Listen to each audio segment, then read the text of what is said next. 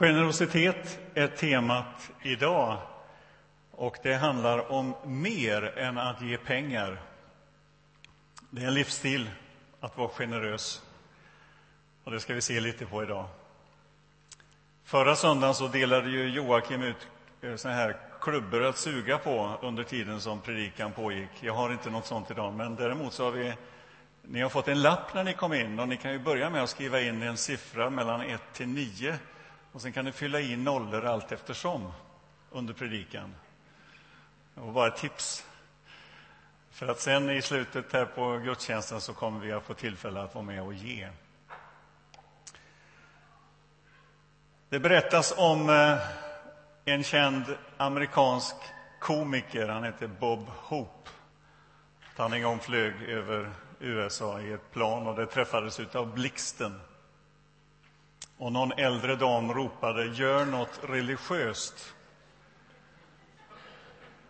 Och det gjorde jag, sa Bob Hope. Jag tog upp en kollekt. Och det är verkligen något djupt religiöst att ge en kollekt eller ta upp en kollekt.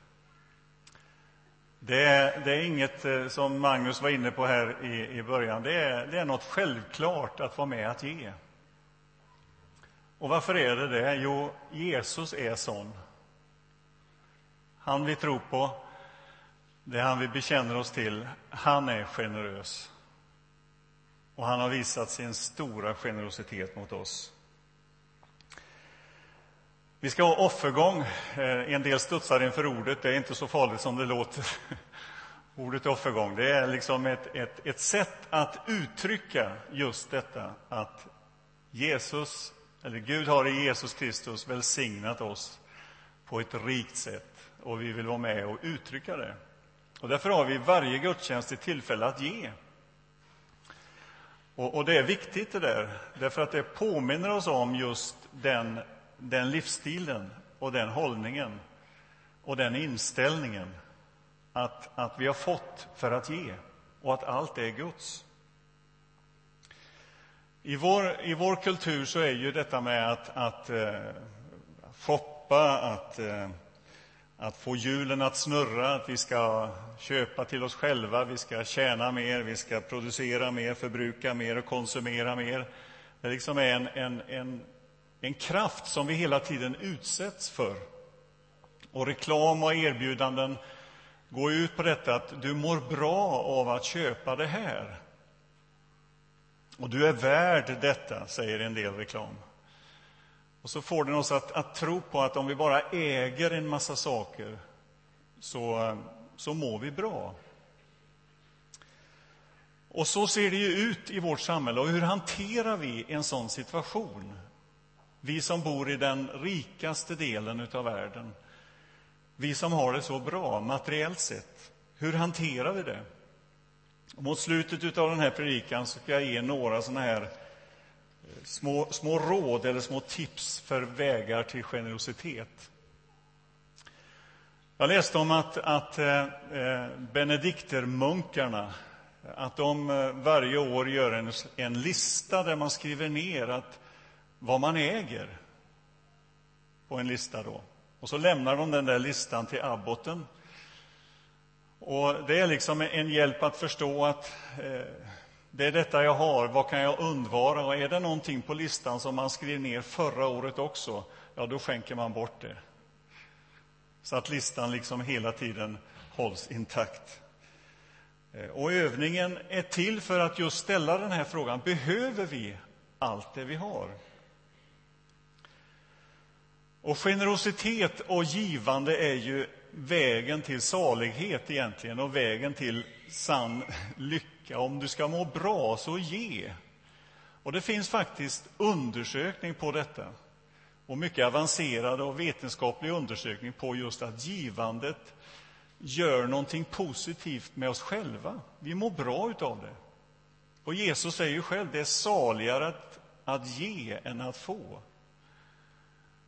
För han var inne på det långt innan någon annan kom på det egentligen. Att ge, det är vägen till salighet.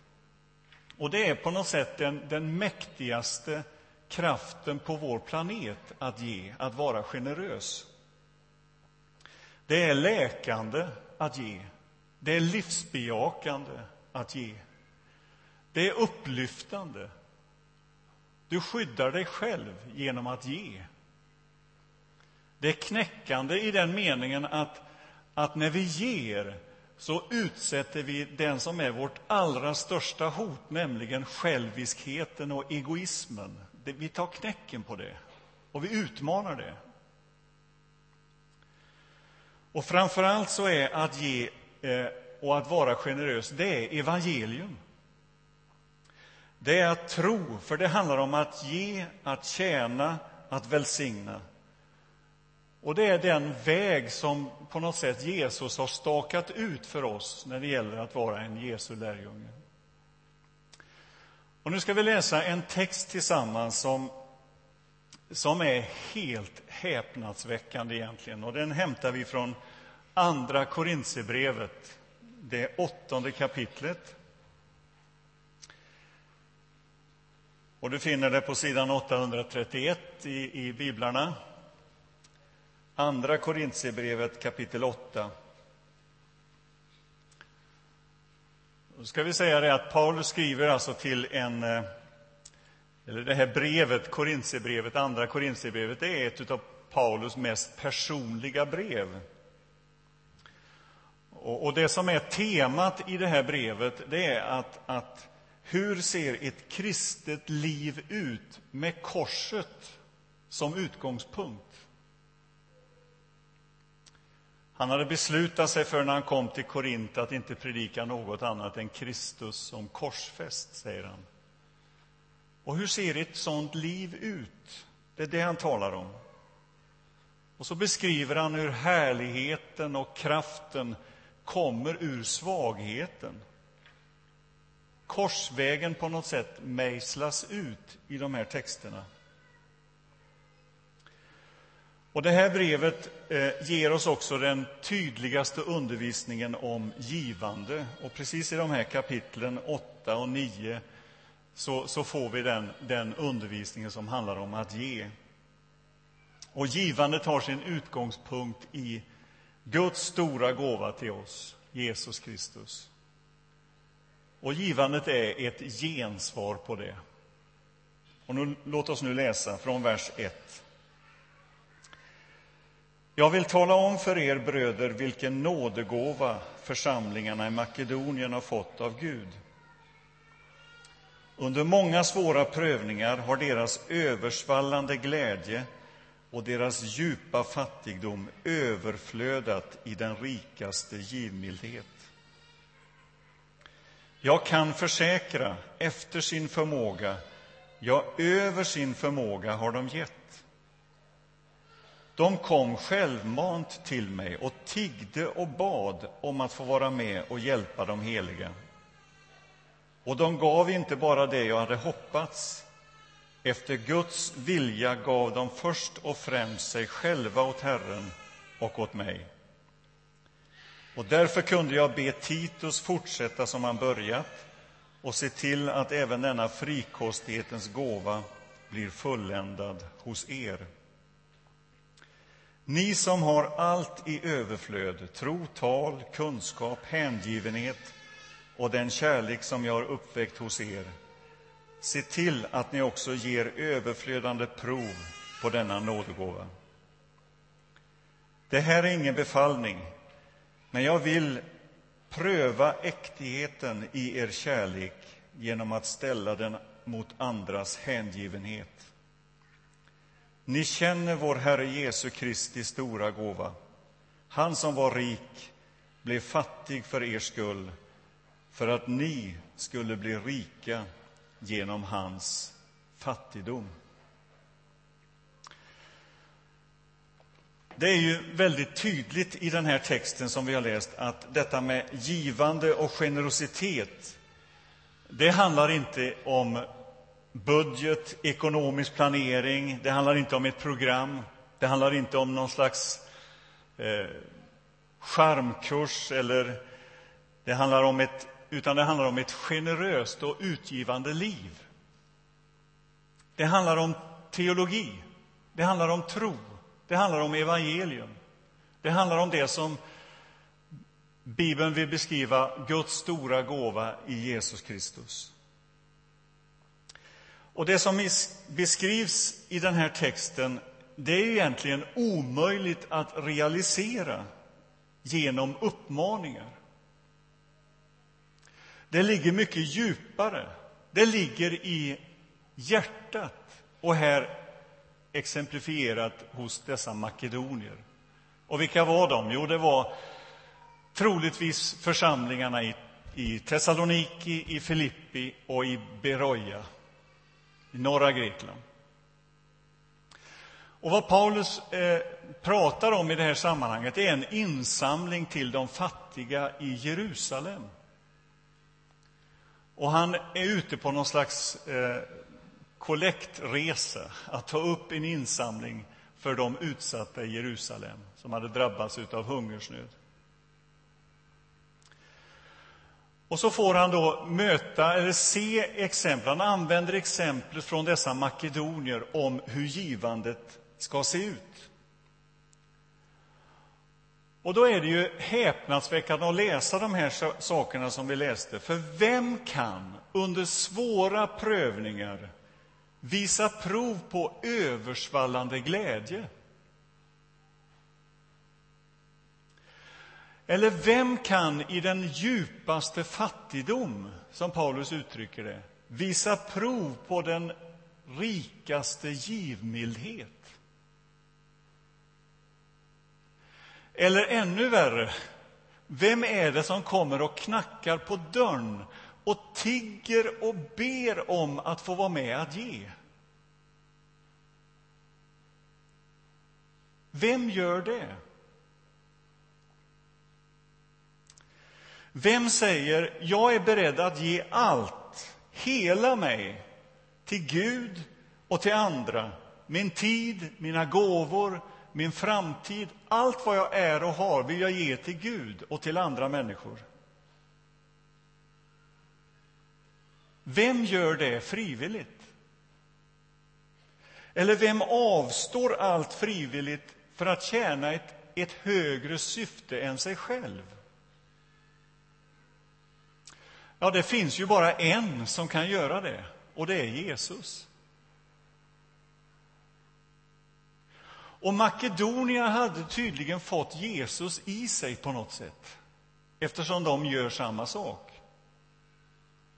Och när vi läser de här texterna så, så doftar det Jesus. Det liknar Jesus påtagligt. Han var sån. Och dessa makedonier hade på något sätt begåvats eller välsignats med den största utav alla gåvor som vi överhuvudtaget kan få del utav. Och den gåvan är Jesus själv. Det är Jesus. Och vi kan, vi kan ana, om, om vi skulle sätta oss ner och liksom planera denna livsstil som vi här ser illustrerad och beskriven om vi skulle kavla upp ärmarna och tillsätta all kraft, all energi vi kan för att få till stånd detta, så skulle vi misslyckas. Här sker något övernaturligt. Det här är inte bara ett uttryck för en god dag där solen skiner och det känns bra, utan här är uttryck för någonting mycket djupare. Det här handlar om ett liv. Och det är så påtagligt i det vi läste. Det finns en gåva i, uppräknad i Nya testamentet som heter gåvan att frikostigt dela med sig. Jag har aldrig hört någon be om den gåvan. Eh, men den finns där som en av nådegåvorna. Det står talas om det i Romarbrevet 12 gåvan att frikostigt dela med sig. Vilken gåva, alltså. Och den hade tydligen makedonierna bett om och fått den. Och den visar sig i den här texten vi har läst. Och makedonierna säger ungefär så här. Vi gör så här därför att Jesus är sån. Det är han vi följer. Inte bara som någon slags eh, moralisk plikt, utan det finns en drivkraft inom oss som gör detta, som uttrycks i den här texten. Vi är inte generösa och givmilda därför att Gud eventuellt skulle älska oss mer eller för att Gud skulle välsigna oss mer. Utan vi är generösa och givmilda därför att Gud har älskat oss och välsignat oss. Och vi ger därför att Jesus i oss vill fortsätta att ge. Nu ska jag citera två personer som eh, har sagt något väldigt bra omkring detta med, med givande och generositet. Den första är Gandhi och den andra är Bernhard Andersson som står vaktmästare här ibland. Det är en härlig kombination, tänkte jag. Gandhi säger så här. Vi måste vara den förändring vi vill se. Vi måste vara den förändring vi vill se. Alltså, hans tanke är, vill vi se ett generöst samhälle som inte bara handlar om att ge pengar, utan det handlar om våra attityder, vad vi säger, hur vi bemöter varandra. Alltså att generositet, det, det, det är mycket mer än att bara ge pengar. Det handlar om en livsstil. Vill vi se ett samhälle som är präglat av de egenskaperna, ja, då ska vi vara såna, säger Gandhi.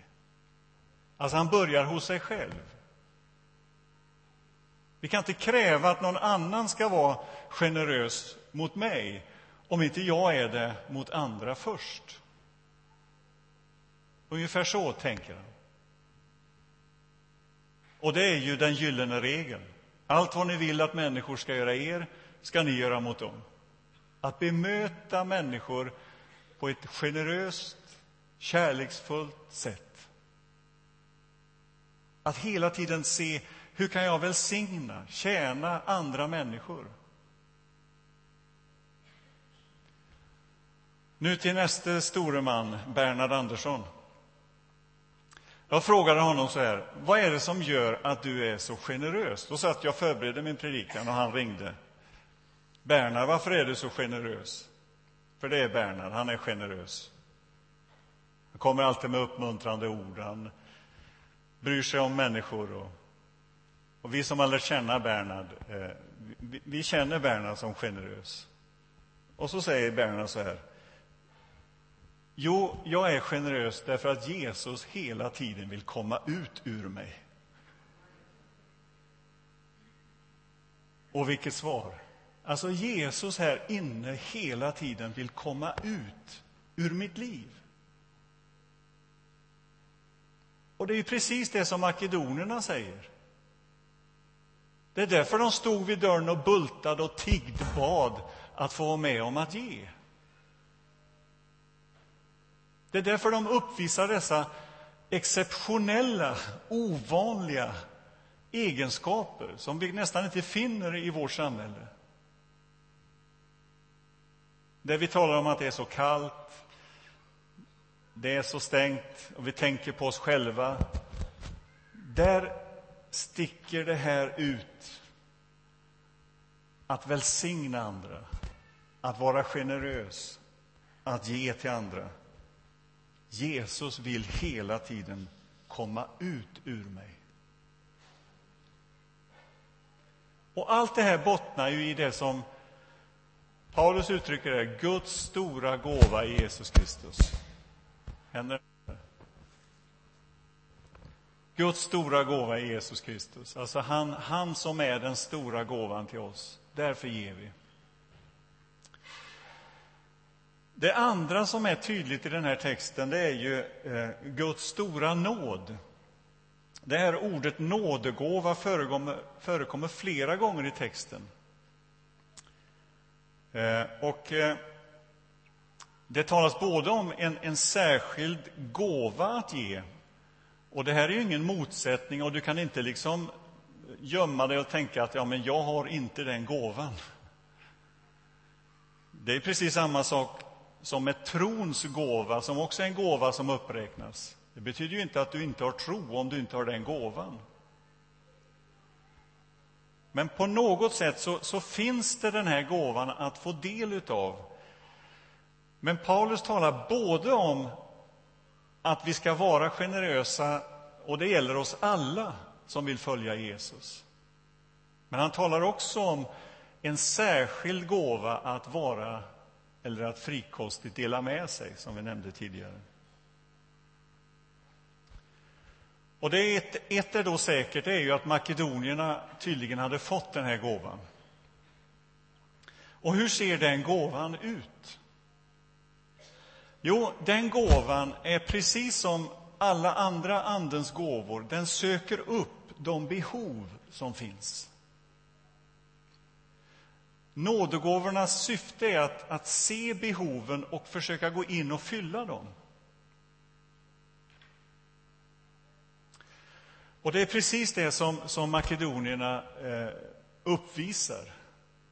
Och jag kan liksom se framför mig hur de där i, i, i församlingen, den här gruppen makedonier, liksom nästan tävlar med varandra. Vem av oss ska få vara med och ge mest och först? Det finns någon slags drivkraft. Det handlar inte om att sätta sig sist på listan, utan att vara först och uppteckna sig. Var finns den gåvan? Jo, den finns i våra liv. Precis som alla andra Andens gåvor så har vi fått gåvor i våra liv. Och Det handlar om att släppa fram de gåvorna. Att, och de släpper vi fram på bästa sätt genom att använda dem.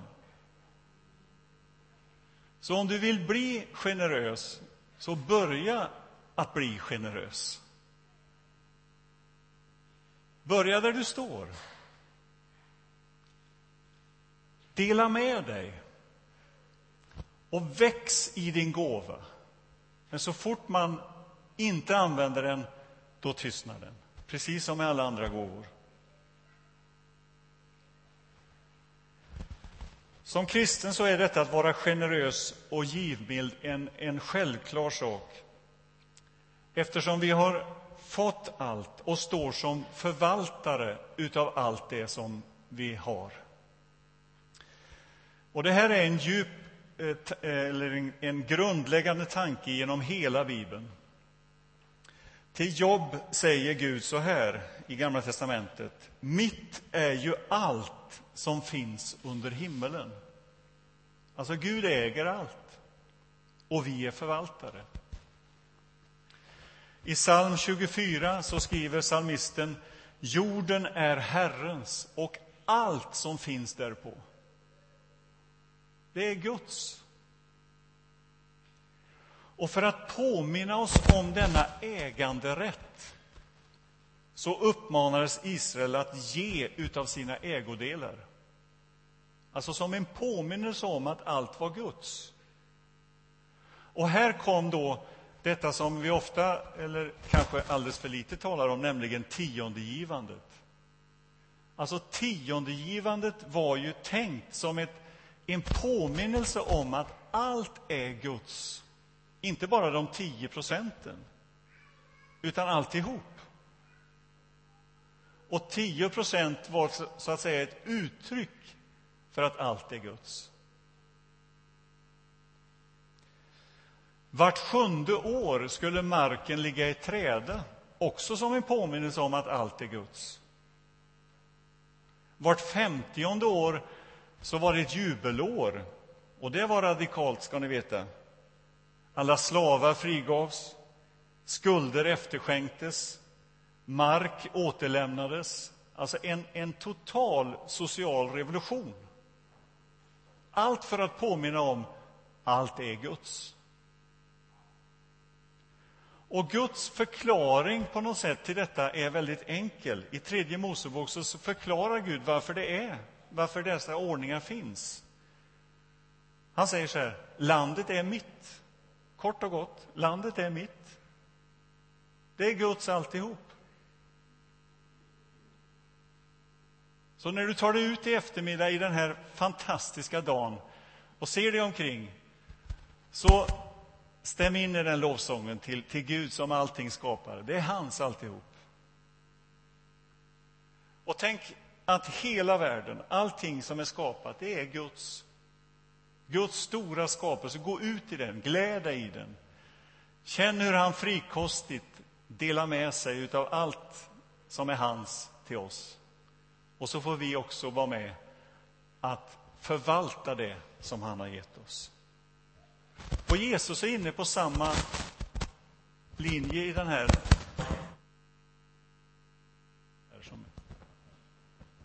Jag tar den här istället.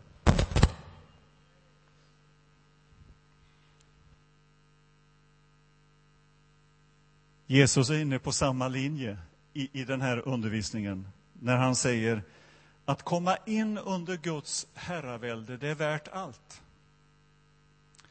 Att Guds rike slår högre än, än, än skatten i åkern, än alla ägo, ägodelar när han säger vad hjälper det människa om hon vinner hela världen men förlorar sin själ? Att förlora sin själ, det är att tappa detta perspektivet som handlar om att allt är Guds och att jag är förvaltare. Så att ge är både ett ansvar som vi har, som handlar om förvaltarskap, men det är också en gåva till oss att ge. Och jag skulle vilja att, att du kände det så att, att vara generös, att ge, är ingen uppoffring egentligen, utan det är en inbjudan till ett välsignat liv. Och låt mig till sist få, få ge dig några sådana här punkter. Det finns säkert väldigt många, men några sådana här korta satser. Du får gärna skriva ner dem om du vill, eller också kan du få dem av mig efteråt. Det första jag skulle vilja säga, nu kommer de här på skärmen också.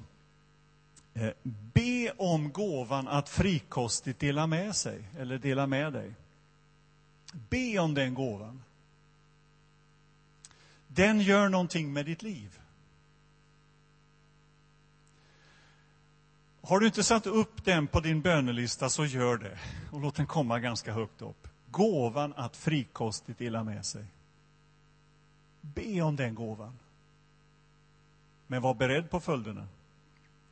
Det andra är, vänta inte med att ge tills du blir rik. En del tänker så här, om jag vann en miljon, då skulle jag ge. Eller om jag eh, får den där lönen som han eller hon har, då minsann. Nej, börja där du står. Börja att ge utifrån din, ditt eh, så att säga, förhållande, det som du står i. Efter din förmåga, sägs det i den här texten. Och det får vi börja med. Det tredje jag skulle vilja säga det är, ha koll på dina utgifter och ditt givande. Och då menas, menar jag så här att alltså vad, vad, vad gör du av dina pengar? Om vi nu talar om det. Alltså hur ser det ut? Lägger du det på saker som egentligen inte är bra? Alltså ha koll på det. Och ha koll på ditt givande. Ja, men hur kan man det? Ja, då är en bra utgångspunkt 10 procent. Det är väldigt bra. Börja där och praktisera det och se, funkar det eller inte? Det fjärde jag skulle säga det är stoppa läckagen. Alltså, det finns mycket som dränerar oss på energi.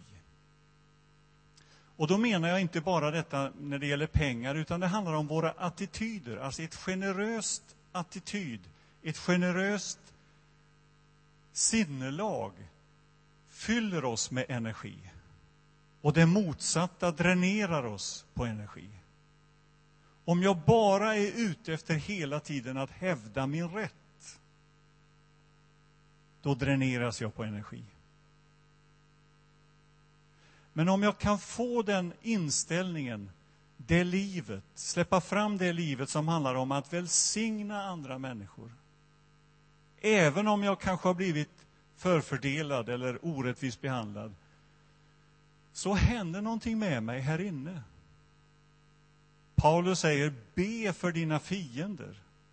Välsigna dem som förföljer er. Vad händer då? Jo, det händer någonting med mig själv som är positivt. Stoppa de läckagen som dränerar dig på energi. Det femte, lyssna till ditt inre. Paulus talar om när det gäller givandet vad du känner dig manad till. Och det är klart att om jag varje morgon säger till Gud så här, Gud, här finns jag den här dagen. Låt mig få vara till välsignelse för någon människa idag. Då tar han dig på orden. Och var lyhörd för de maningarna. Lyssna till ditt inre, vad han manar dig till, och följ det rådet. Den heliga Ande vill leda oss på ett mycket vardagligt och konkret sätt.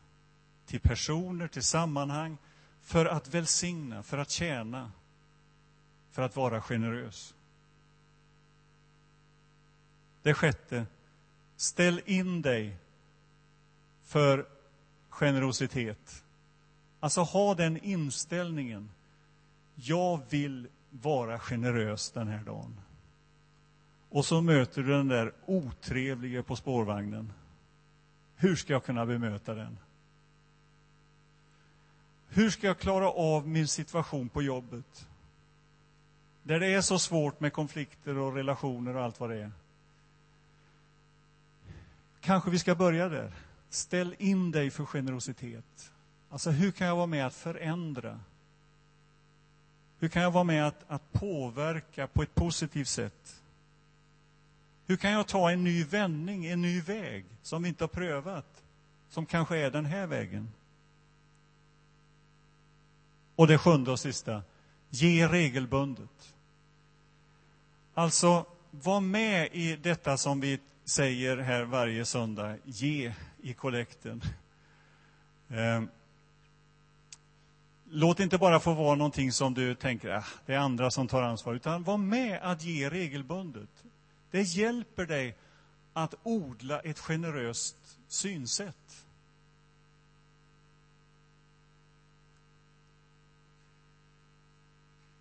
Och den vägen som vi inbjuds att gå, det är, det är Jesu väg.